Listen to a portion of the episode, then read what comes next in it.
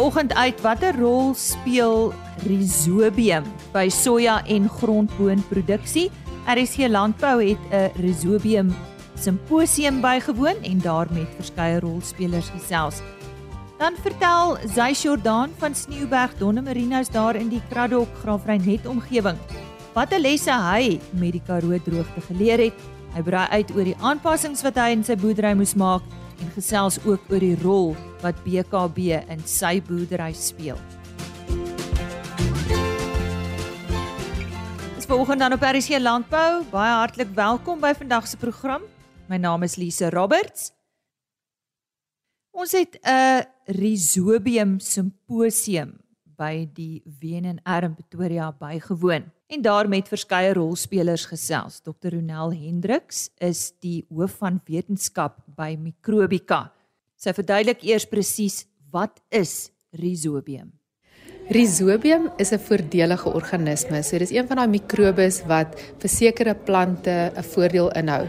So 'n spesifieke Rhizobium met 'n spesifieke um, peulgewas soos sojas, of jou gromboontjies het 'n spesifieke rhizobium wat sy syne herken en wat dan hom infekteer in daai knoppies. Ek verwys hom na die knoppies as stikstoffabrieke en wat dan die stikstoffabrieke opsit en die stikstoffabrieke se aktiwiteit maak dat jy nie hoef kunsmis te gee nie. So dis eintlik 'n organisme, ons noem dit 'n biologiese kunsmis organisme.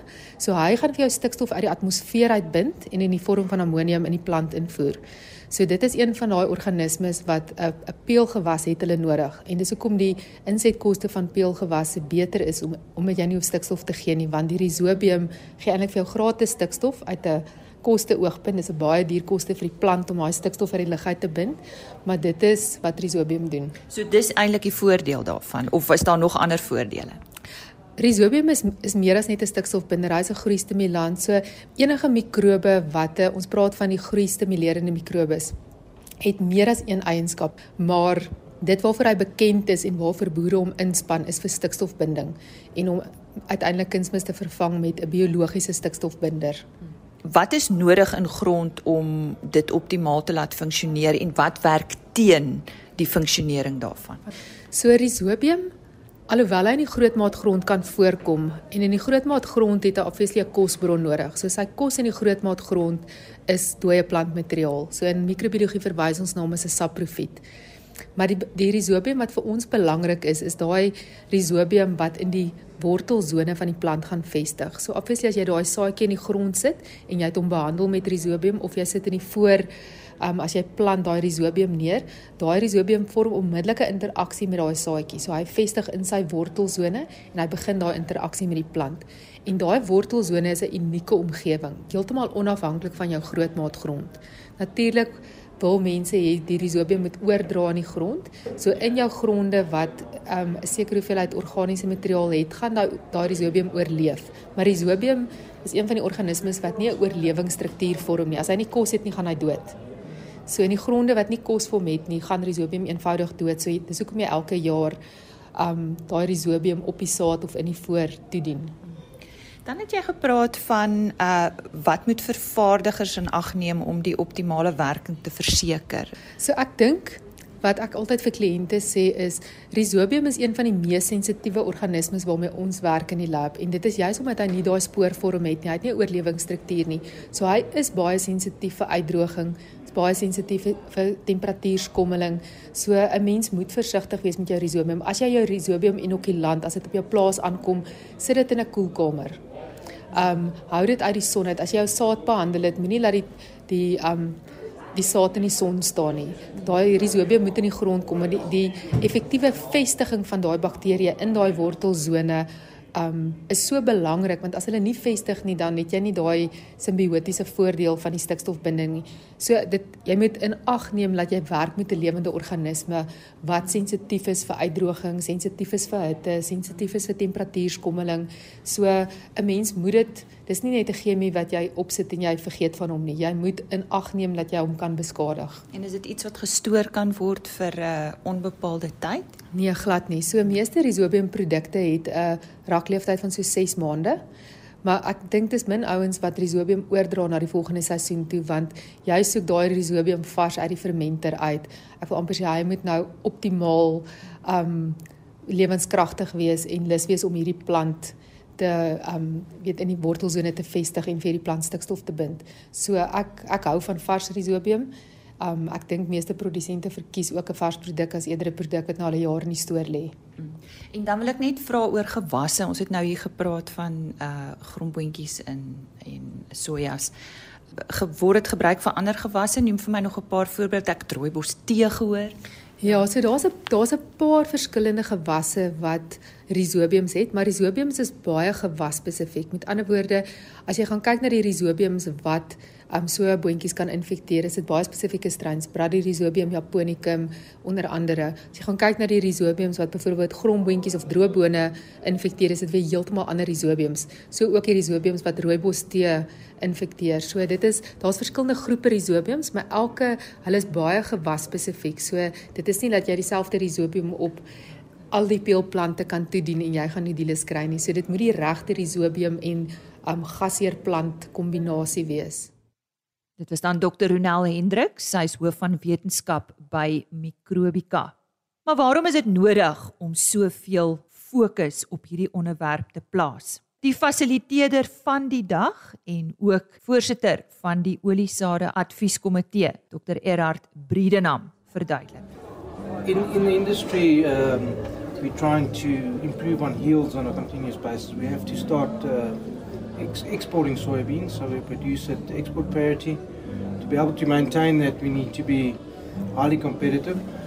Rhizobia is one of the um, key components in terms of saving on nitrogen, increasing yields. So we've got some international expertise here today, uh, sharing information, and then we're going to move on and do some sclerotinia discussions as well, which is probably the most prevalent disease that we have in soybeans. Just to get back to uh, your discussion on the registration of Rhizobia, why was it needed? Why, why did you have to talk about it? I mean, is it not registered? Do we do we have to register it continuously? What, what is the purpose? No, there's a, there's a tremendous amount of confusion about registration of Rhizobia.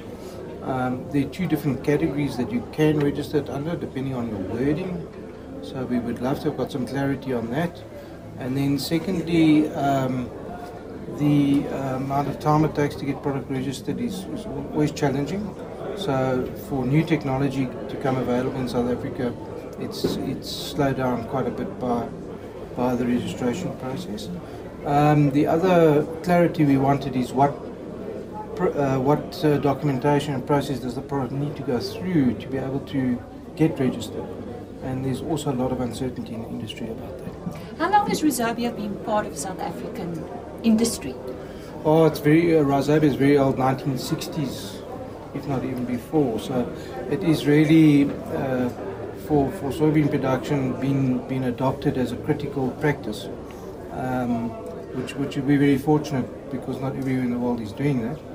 Um, and uh, although soybeans, as you've seen from our graph in my presentation, has grown over a thousand percent in the last 20 years. So um, and the adoption of new technologies by producers in South Africa, we're very fortunate, is, is extremely good. So anything's new and it's going to can assist uh, the the uh, farmers in a they're going to adopt the technology and take us forward. If you have to highlight one or two concerns from the floor that were shared today, what would that be? Um, there seems still to be a lot of uncertainty regarding a number of aspects. So it looks as though we'll have to, um, even, the, even without, but having said that, uh, I think we've got a very uh, stable, good quality system on the go at the moment. A lot of room for improvement. Uh, because as we spoke about uh, interaction between different strains of Rhizobia and cultivars and many other aspects, uh, applications, um, there, there's a lot of work to still do. Die stem daar van Dr. Erhard Briedenan het verduidelik wat is die doel van die dag gewees. Hy is van die Oliesade Advieskomitee en het ook hierdie dag gelei. 'n Vraag vanaf een van die sojaboonprodusente was of dit nodig is om vol te hou met hierdie tipe inokulante. Jonathan Etherington, hy is die stigter en direkteur van MFBI Microbial Biological Fertilizers International. Yeah, maybe just adding on that uh, consistently, uh, as his rotation is a 50 50. So 50% of his farm is in maize, 50% on his, in his uh, soybeans, and uh, that will be rotated on a year to year basis. Um, why would we consistently have to apply re- or new inoculation from a product side of it? Um, and the, the biggest reason is the newer or the strain, the higher dominancy of the strain, the higher, the better selection of that strain um, uh, from a manufacturing point of view or from an isolate point of view will be consistent year to year. Um, where isolates in the soil can also change uh, and become just saccharide feeders or poly or saprophytes, which are just feeding on sugars, um, which are actually not a maybe they, they might nodulate, but they're not giving you nitrogen enzyme or nitrogenase production. Um, so, specific strain selection is really important for the quality of nitrogen that you're going to provide for your crop. So, yes, the, there might be a over a long-term 20-year period, there will be a reduction in um, in significance of yield responses from, let's say, one ton of soybean yield from year one um, down to 250 kilograms uh, in year 20. But there will still be a significant impact in your farming um, that will allow that the product, specifically the selection of the strain um, and the quality of the inoculant, will give you that yield response. To. Jonathan, you're not just only saying this, you mentioned that there is proof you uh, in South America, am I correct? Yeah, so there was a 20 year trial um, run, um, and this uh, was done in joint between Brazil and Argentina. Argentina has di- very different soils to us, uh, more uh, much more neutral pHs. Uh, Brazil, very acidic soils. Um, Stoffberg is more towards the, let's say, Brazilian uh, culture, but also depending on the rainfall, Brazil is a very different high humidity uh, condition. So there's a lot of factors that have to be put into perspective. Uh, but yes, on a 20 year trial, um, there was definitely a yield response effect from taking a good source or premium selection of or isolate uh, with a good formulation that will give you yield response over a 20 year period. And Grain SA had a question on what about our first time soya bean producers? What should they do? So, um, uh, from first time soybean producers um, on high clay soils with high organic matter, I do believe a single seed treatment will be with a high concentration product um, in a region of 10 to the 10. So uh, a very a very strong and high concentration product will be sufficient.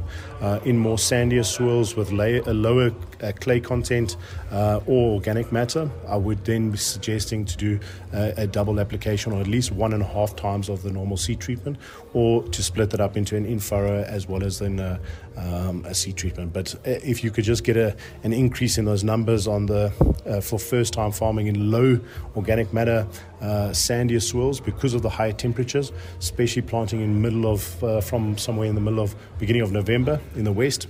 I do I would recommend that an increase in that number of uh, double inoculation would be a, a good starting point for first time farmers in that area. Just a final question on overstimulation. Uh, we had a question about that as well. That uh, we must remember this is a natural process and we should keep nature in mind and let nature do its work as well. So 100%. And I think uh, Brigitte yeah, was really good at, uh, and the question and the, the statement was really good. I think that overstimulation could get to a point where we are getting over, uh, uh, we're overstimulating the whole cycle. Mm. But the problem is practicality also comes into uh, play. So if you had to look at the perfect pH for a soybean inoculant Bradyrhizobium, it's around about a pH of uh, 6 kCl or 7 in water. Uh, we don't uh, we don't really see that much in our world. do not increase the temperature over 25 degrees Celsius. we also don't see this in the perfect world. have a, at least a 90% water field capacity. We do not see this in the world uh, or in, uh, in, in farming. Uh, there's some fields that are like that, but mm. as a general, um, practicality also has to be looked at. Um, and I think sometimes, uh, if from a pure science point of view, definitely there could be that overstimulation, over um, over usage of a technology. But I think in the practice, there's also practical issues that we have to overcome. Um, and, I, and therefore, I think the double inoculation still in the West would be my recommendation to go with a, a, a, a double, in, or especially first time growing soybeans, a double inoculation. Ek het daar gesels met Jonathan Etherington. Hy is stigter en direkteur van MFBI wat staan vir Microbial Biological Fertilizers International. En dit is dan meer oor rhizobium, die rol en die voordele daarvan veral vir ons sojaboonprodusente. Daar was ook tydens hierdie geleentheid 'n bespreking oor sklerotinia en môreoggend fokus ons daarop.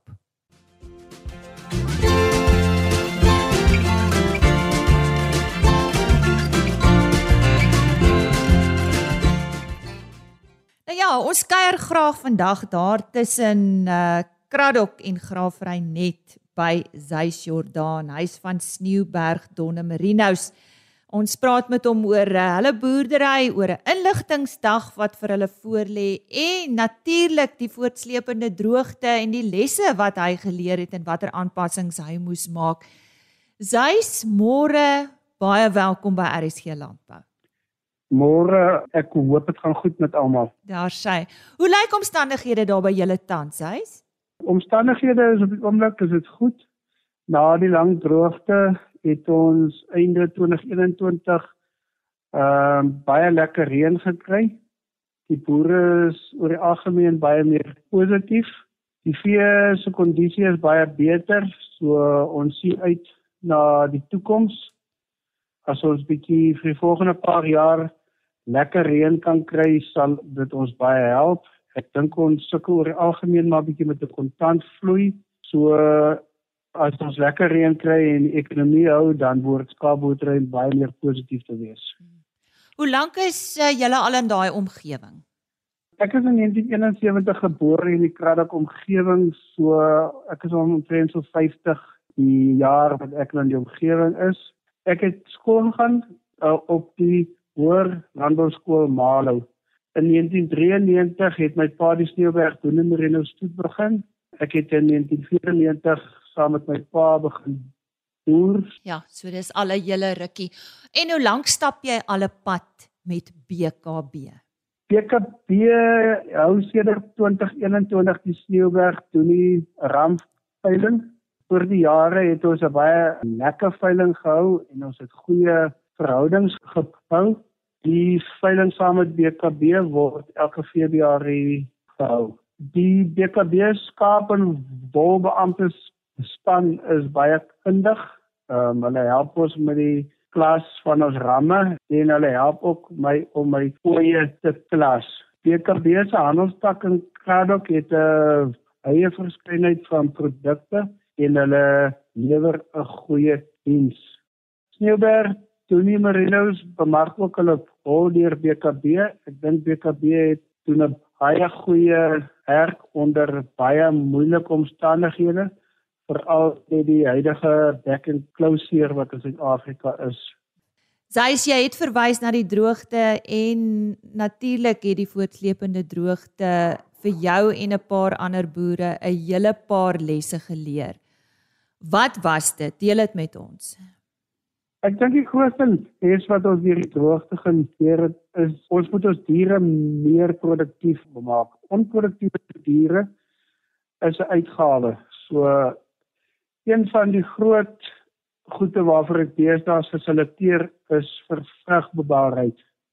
Die ander ding is wat ons deur die droogte geleer het is om jou diere beter kos te gee.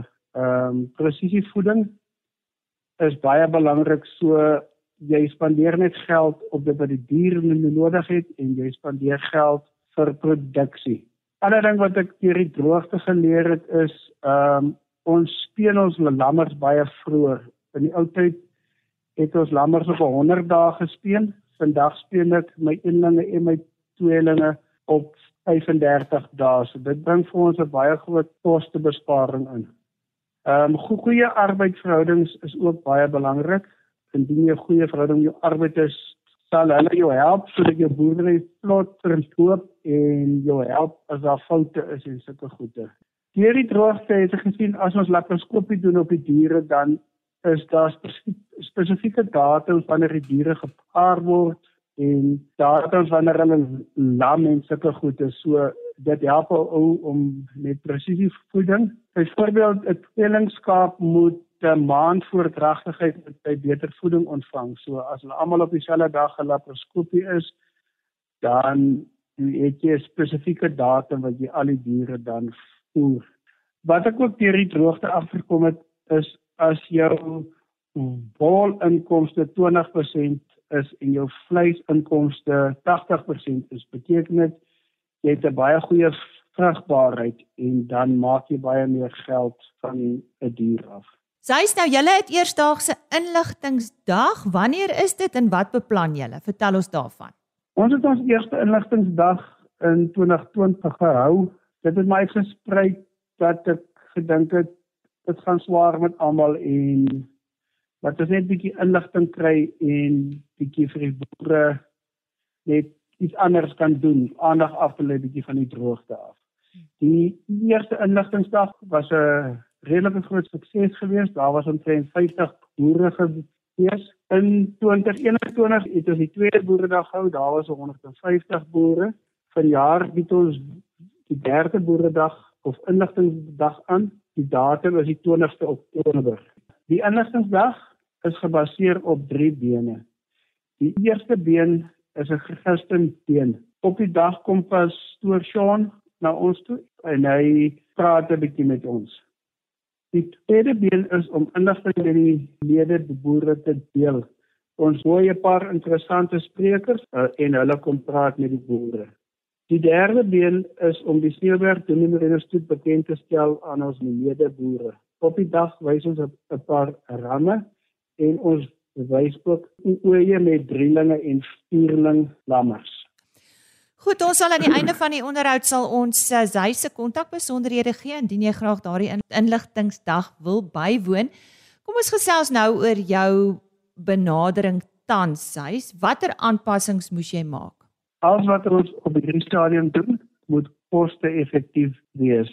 Skape wat nie 'n ham groot maak nie, bring nie 'n inkomste nie. So 'n skaap moet dus verkoop word. En sulke diere moet vervang word met produktiewe diere. Ons as boere moet ook kyk of waar nie ander geleenthede om ons is nie. Ons moet ook kyk waar ons in ons boerderye waarde kan toevoeg. Byvoorbeeld as ons ons lammers self afrond, kan ons dalk 'n paar ekstra rande maak. As gevolg van die droogte het ek bietjie gekyk waar in die boerdery kan ons ons winsgewendheid verbeter.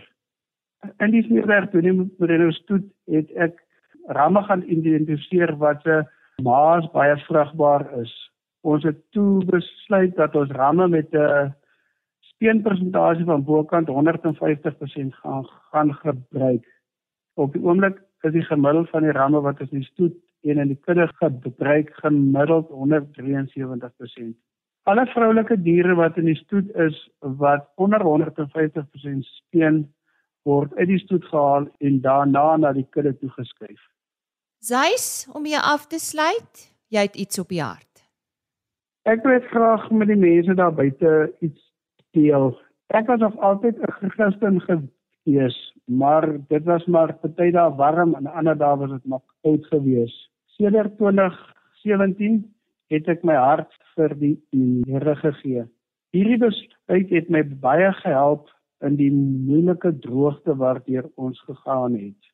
As gevolg van die besluit dat ek nader aan die Here beweeg het, het ek baie inner peace vir myself gekry.